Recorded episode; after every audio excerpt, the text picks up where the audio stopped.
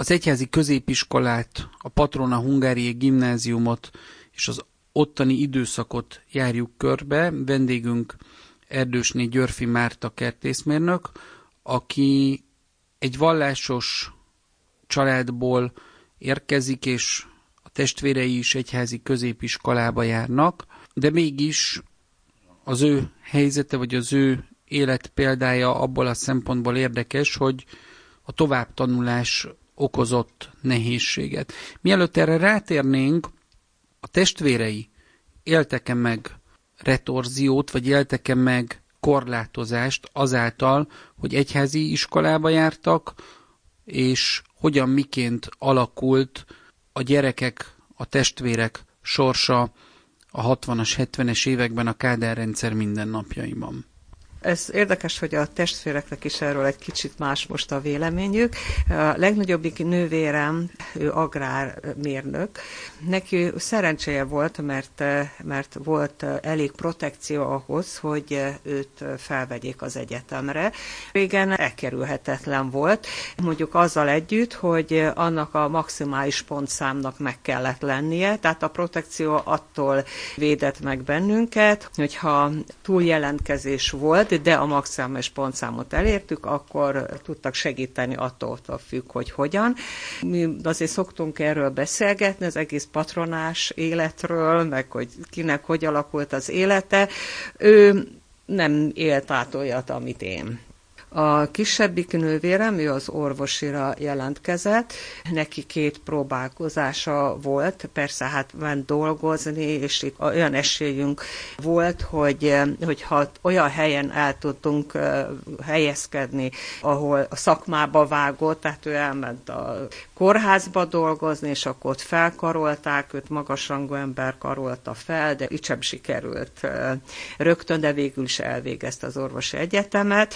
A bátyám, úgy emlékszem, kétszer próbálkozott, könnyűipari műszaki főiskolára ment, őnek is meg kellett küzdenie, de úgy gyakorlatilag már a munkahelyen senkinek nem volt ebből problémája, legalábbis én nem tudok róla. A kisebbik nővérem disszidált sajnos Amerikába, úgyhogy elvégezte az egyetemet, de egy évig dolgozott, és azt mondta, hogy ő ezt nem bírja. Ezt a, az öregektől azért nem fogadott el semmit, mert hogy sajnált őket, a fiataloknak meg nincs pénzük, és azt mondta, hogy e, ilyet ő így nem tudja csinálni.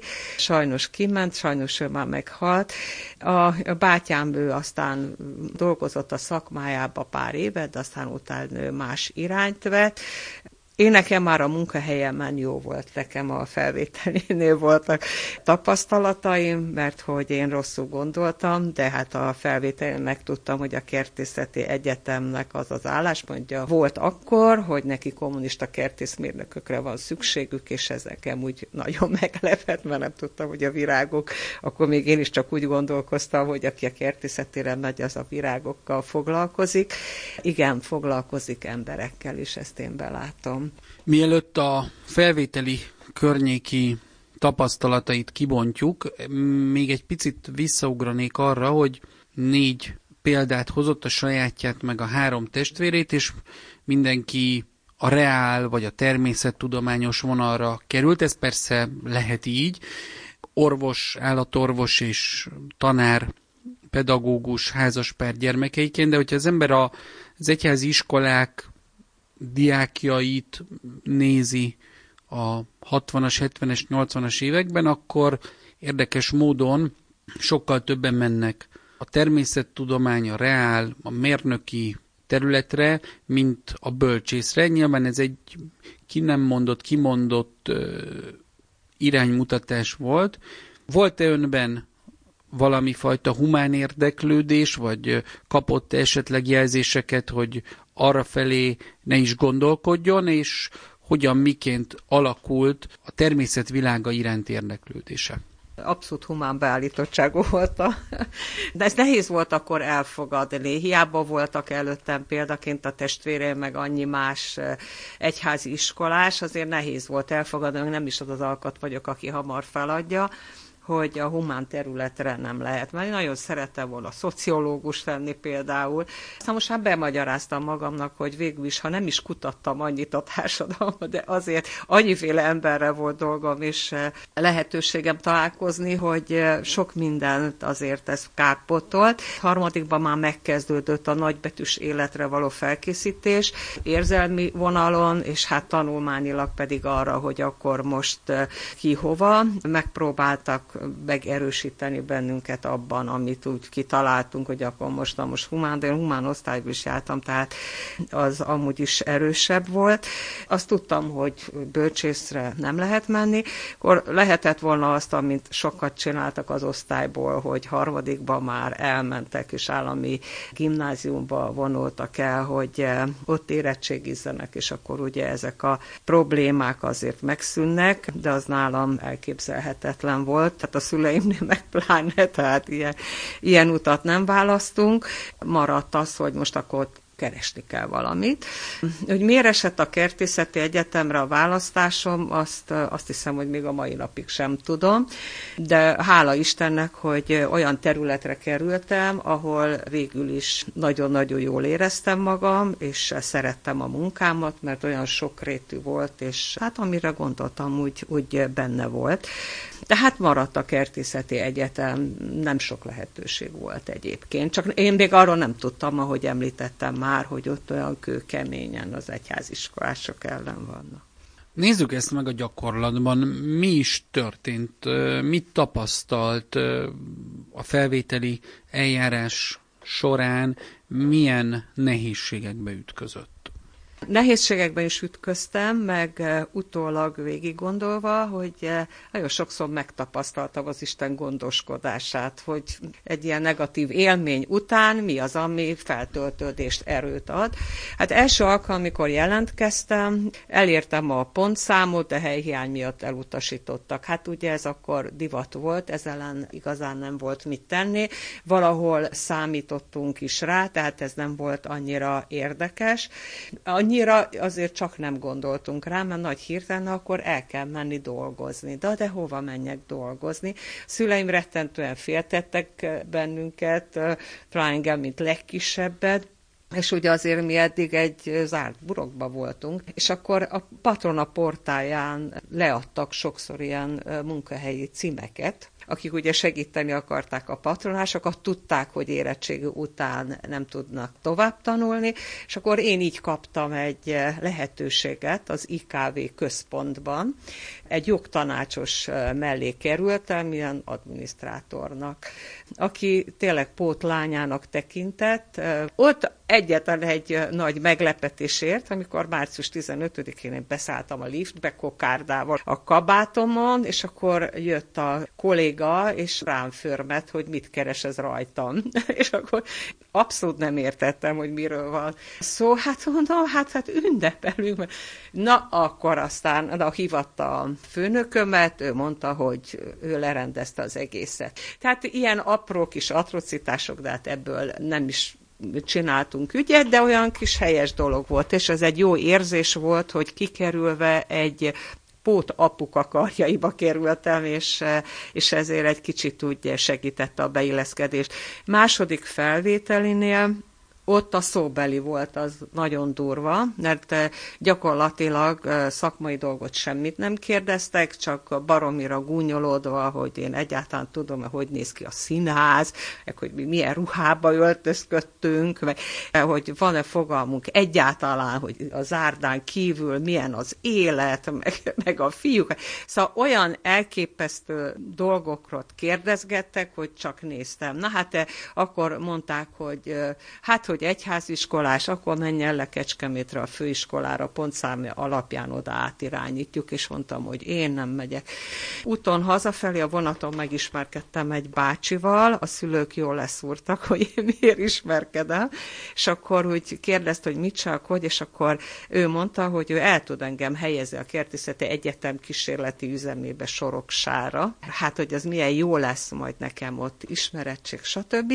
Ez tényleg fantasztikus is volt, ráadásként a szomszéd üzemben két Ferences diák volt, és ez megint egy olyan fantasztikus, hogy soroksára kimentem Kelenföldről, hát ú, a patronába ugye két lépcsőn mentünk le a kollégiumból az iskolába, és akkor én ott utazgattam, de olyan jó volt a fiúkkal együtt, gyógyítgattuk egymás sebeit, hogy na mi lesz, hogy lesz, akkor jött ott ugye, híres tanszékvezető, megismerte a munkámat, ugye becsületen elvégeztem mindent, és mondta, hogy Márta, én magát fölvetetem az egyetemre. Na mondom, itt a megváltó protekció, és szegény pár hónap múlva Májrákba meghalt. Tehát vége volt a protekciónak. Elmentem írásbelizni, a felvételiztető tanár, mert nagyon hamar befejezte az írásbelit, átolvasta és gratulált, hogy milyen fantasztikus, és tényleg mehetek, mert hogy izé rendben van. Egyek szóbelire, Megint szakmai dolgot nem kérdeztek, csak hogy ez milyen gyengén sikerült ez az írásbeli, nem is értettem, de hát nem baj azért Kecskemétre, én csak menjek le Kecskemétre. Na hát ott aztán a szülők is azt mondták, hogy itt már választási lehetőség nincs. Kezdtem magyarázkodni otthon is, hogy nekem nagyon jól sikerült, hát megdicsértek a, az írásban, hogy a szülő mit csinál, nem tanultál rendesen, stb. stb. De a pontszámot valahogy így is összehozták nekem, és akkor így levonultam Kecskemétre, ami nagyon nehezen ment megint, de hát pót cselekvésként ott elkezdtem tevékenyen a kulturális életben részt venni az egyetemen. Állatorvos volt szintén az apukája akkori kisztitkárnak, és oda járt, de ő is egy idősebb valaki volt, és akkor engem kinevezett, ilyen kulturális felelősnek, mondom, hát én kisztak se vagyok, hát életemben nem voltam kisztak. Az nem számít, én csak bízzam rá. És kaptam dicséretet, és az volt a legnagyobb örömöm, hogy beválasztottak a a felvételiztető csoportba, én voltam a kis részéről a megbízott. Hát én azért végig izgultam, mert hát, hogy én nem vagyok kis én nem győztem hangsúly. Jó. Ráadásként az összes egyházi iskolás, a mi csoport, nyilván ez ki volt találva, én nem hiszem, hogy a felvételiztető tanárok tudták, hogy én honnan vagyok, azt nem hiszem, hogy tudták, de a kis titkár persze tudta, úgyhogy nagyon-nagyon jól szerepeltek az egyháziskásoknak, nagyon örültem, és mindig, amikor be kellett hívnom egy felvételizőt, akkor elmondták róla a történetét. És jött egy fiatalember, és mielőtt behívtam, mondták, hogy hát, hogy nem biztos, hogy sokat fog tudni produkálni, mert hogy 56-ban a forrókájához vágták. És akkor én teljesen meggondolatlan, csak annyit, ott volt előttem az önélet, mondom, egy baj van, hogy ez a fiatalban 58-ba született. Akkor hogy lehetett az a forrokájához dobni 56-ba? Na hát ennek azért úgy nem örültek, de azért elővették az írásbeliét, és itt van a lényeg, és fogták magukat, és hát persze nagyon gyenge írásbelje volt, följavították, és fogtak másikat, azért meg lejavították. Na mondom, akkor itt van a, a válasz arra, hogy amikor nekem olyan nagyon jól sikerült az írásbelém, akkor kiderült, hogy a valóságban, hogy az nem jó. Tehát magyarul simán csináltak ilyet, hát én ezt magam láttam, ezt vállalom bármikor, hogy, hogy javították. Tehát ez volt nekem még egy ilyen kártétel, hogy na akkor mégiscsak itt van a magyarázat. Még a főiskolán volt egy ilyen atrocitás, hogy én ugye ott jártam templomba, kollégiumból, tehát nem is gondoltam arra, hogy engem bárki figyel, lett egy új kisztitkár, és ugye a harmadik év végén, akkor mindenkiről adtak egy kis jellemzést. Hát én nem is számítottam arra, hogy engem behívott, mert én nem voltam kisztag.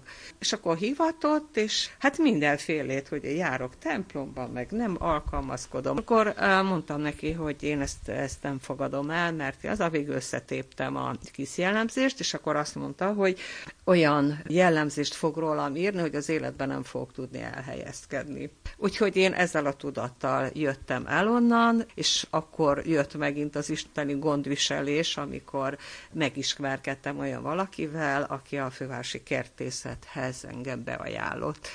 Ott viszont úgy fogadott a főosztályvezető, hogy mondtam neki, hogy itt vagyok, ezt csináltam, összetéptem, nem értettem vele egyet, és hogy nem tudom, mi van a, a jellemzésemben, de hogy mielőtt dönt erről tudja, és azt mondta, hogy neki pont ilyen emberre van szüksége, és 40 évig dolgoztam ott. Igen, azt akartam is kérdezni, hogy ugye innen ment nyugdíjba. Igen, igen, igen, igen. De engem azért az érdekelne, még ha nem is Budapesten, hanem Kecskeméten végezte a főiskolát, és nem az egyetemet, de akkor most hogyan is nőnek a virágok? Vagy mi is itt ez az ideológiai kérdés? Hát az ember azért azt gondolná, hogy most bocsánat, nagyon ki fogom itt sarkítani a dolgokat, de Marx, vagy Lenin, vagy Engels, vagy Stalin, vagy Rákosi, vagy Kádár sok mindent tud befolyásolni, de azért az, hogy az a tulipán hagymát, amit elültetünk, hogy abból sárga, vagy vörös virág, vagy hogy stílszerű legyek, fehér vagy vörös szegfűnő, azt azért előre is lehet tudni, de hogy állunk a kertészet és az ideológia kapcsolatával? Amiről eh, ön beszél, az elsősorban ugye a termesztőtelepen történik. Ott a, az ott dolgozókat tudja egy eh, kertészmérnök azért ideológiailag egy kicsit irányítani, ha más nem a becsületes munkára. Ami mindennél fontosabb, vagy az, hogy elkötelezettje legyen a cégnek, és tudja az, hogy ő minden mozdulatával a céget képviseli, nem önmagát, hanem a céget. Számtalan kísértés érte az embert, hogy mi mindent egy kis alvállalkozótól, egy kis ezt-azt elfogadni, vagy mert hát ezek számba sem jöhetnek, tehát én is azért nem értem ez az ideológiát, mert semmi rosszra nem tanítja így az embereket, a dolgozókat. Mondjuk ezt az én főnököm felismerte, tehát milyen hasonló gondolkodású volt, egy utólag kiderült. Amit én viszont csináltam, amikor már a ranglétrán magasabbra kerültem, azért ott lehetett volna bekavarni rendesen. Tehát én az ötödik kerületben is voltam ilyen parkfenntartási vezető, annó, az Átkosban, és ugye ott ki volt adva, hogy a Marszenger szobrot a Jászemari téren portalanítani, és ezt nekem el kellett mondani a dolgozóknak. Vagy a, a pártháznak a belső udvarát, ami tényleg egy abszolút védett hely volt már, azt is a főker tartotta fenn, és én oda bejártam, még hogy az őrök ott voltak, vagy a Kossuth teret, vagy a koszorúzásokat, vagy a Szabadságtéren a, ugye a szovjet emlékmű. Olyan bizalmi dolog volt, tehát én oda bármit tudtam volna csinálni, meg, meg azért a igen, a kamerák meg egyebek. Így utólag az utolsó húsz évben ott azért lehetett volna ezt a tenni, tehát az embert arra nevelték, hogy mindenkinek eleget kell tenni. Van egy határ, amit nem lép át az ember, de ez a munka, és ezt így meg kell, végig kell csinálni, és nem azt kell nézni, hogy milyen szándékkal. Tehát mondhatjuk azt, hogy aki egyházi iskolából jött, az biztos, hogy valami fajta előítélettel kellett, hogy szembenézzen a felvételin, vagy később a munkavilágában? Hogyan és miként élte ezt meg, vagy hogy tudta ezt esetleg magában elrendezni, akár 41 néhány év távlatából visszatekintve? Hogy látja a szabad vallásgyakorlat kontra egyházi elkötelezetteknek a korlátozását vagy akadályozását? Alkatomnál fogva, vagy ezt is azt hiszem talán lehet, hogy az anyutól hoztam, hogy úgy tulajdonképpen nem érdekelt igazán, hogy figyelik azt, hogy én templomba vegyek, vagy nem megy. Én ezt sose rejtettem véka alá, senkit nem akartam megtéríteni sem, de sosem rejtettem ezt véka alá. Valószínűleg nem kerültem olyan emberek közelségében, aki, mert azért azt úgy megnéztem, hogy kivel beszélek, hova megyek, stb. stb. A munkahelyen ott úgy nagy kiszélet volt a fővárosi kertészetnél régen. Az igazgatónk, a Radó Dezső, az egy párt tag volt, de kezelte azért őket is. Az egy teljesen szabad gondolkodás ember volt, de soha nem éreztette velem azt. Inkább azt mondom, hogy tiszteletbe tartották. Tehát nekem volt egy olyan szerencsém, kellett volna mennem ilyen párt középiskolába, és akkor addig próbálgattak takargatni, míg a végén aztán azt feloldották, hogy kötelező, de hát úgy nagyon odafigyeltek. Igaz, hogy aki azt mondta nekem, hogy ő meg pont neki ilyenre van szüksége, annak a felesége volt a személyzeti osztályvezető, úgyhogy mondom, az isteni gondviselés, hogy amúgy a főkertnél nem volt jellemző, hogy templomba járnak az emberek. Ott a három ezer emberből nagyon kevesen vállalták ezt fel. Igen, hát az ember sokszor csodabogár volt, de nekem mindig az volt, hogy hogyha úgy éreztem, hogy a becsületes munkával, a tisztességes viselkedéssel a gúnyolókat is meg lehetett kicsit szelídítani vagy nekem szerencsém volt, és nem kerültem nagyon ilyenek közé. De volt, aki tudom, hogy, hogy szenvedett ettől rendesen.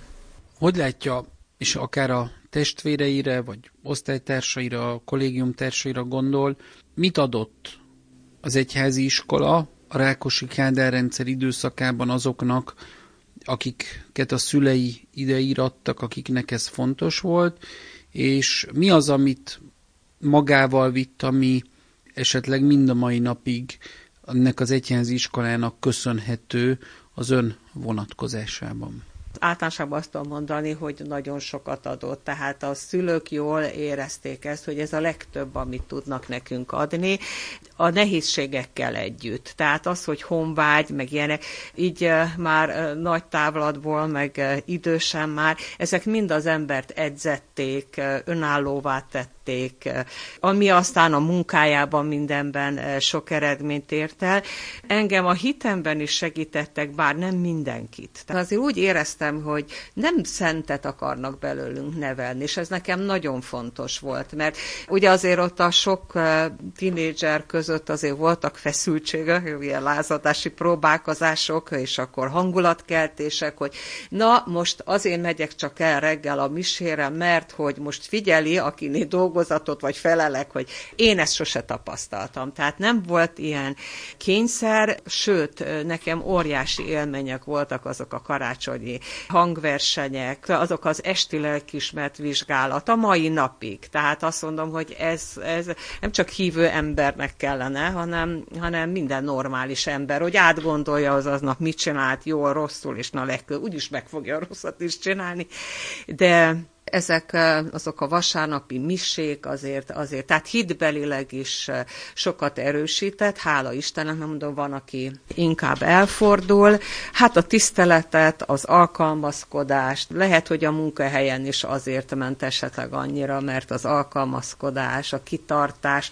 Azért mondom, hogy érdekes, mert ezt hallottuk otthon is, tehát ezt láttuk, hogy mind a négyen ilyen nagyon-nagyon nagy munkabírással rendelkezünk, és a becsületes munkai. De ugyan ezt hallottuk a, a gimnáziumban, és akkor ez nyilván, hogy az emberben sokkal jobban felerősödött, és összességében mindenkinek azt tudom mondani, hogy ez a gyerekének a legnagyobb ajándéka. Tudjuk, hogy milyen idegesítő volt akkor hallani, hogy ne hangosan hallgassd a rádiót a villamosról, mert nem tudod, hogy aki veled szemben ül, milyen lelki bánata van, stb. stb. Csak azt veszem észre, hogy az unokáknak is ezt magyarázom a villamoson, hogy ne legyetek hangosak, mert lehet, hogy valakit zavartok. És akkor így ledöbbenek, hogy te jó ég, ez a patronában hallottam. Az egyházi középiskolás létről, a Patrona Hungáriai Gimnáziumban töltött időszakról, illetve az ezt követő felvételi eljárások során ért korlátozásokról, akadályoztatásokról hallhattak beszélgetést. Vendégünk Erdősné Györfi Márta kertészmérnök volt.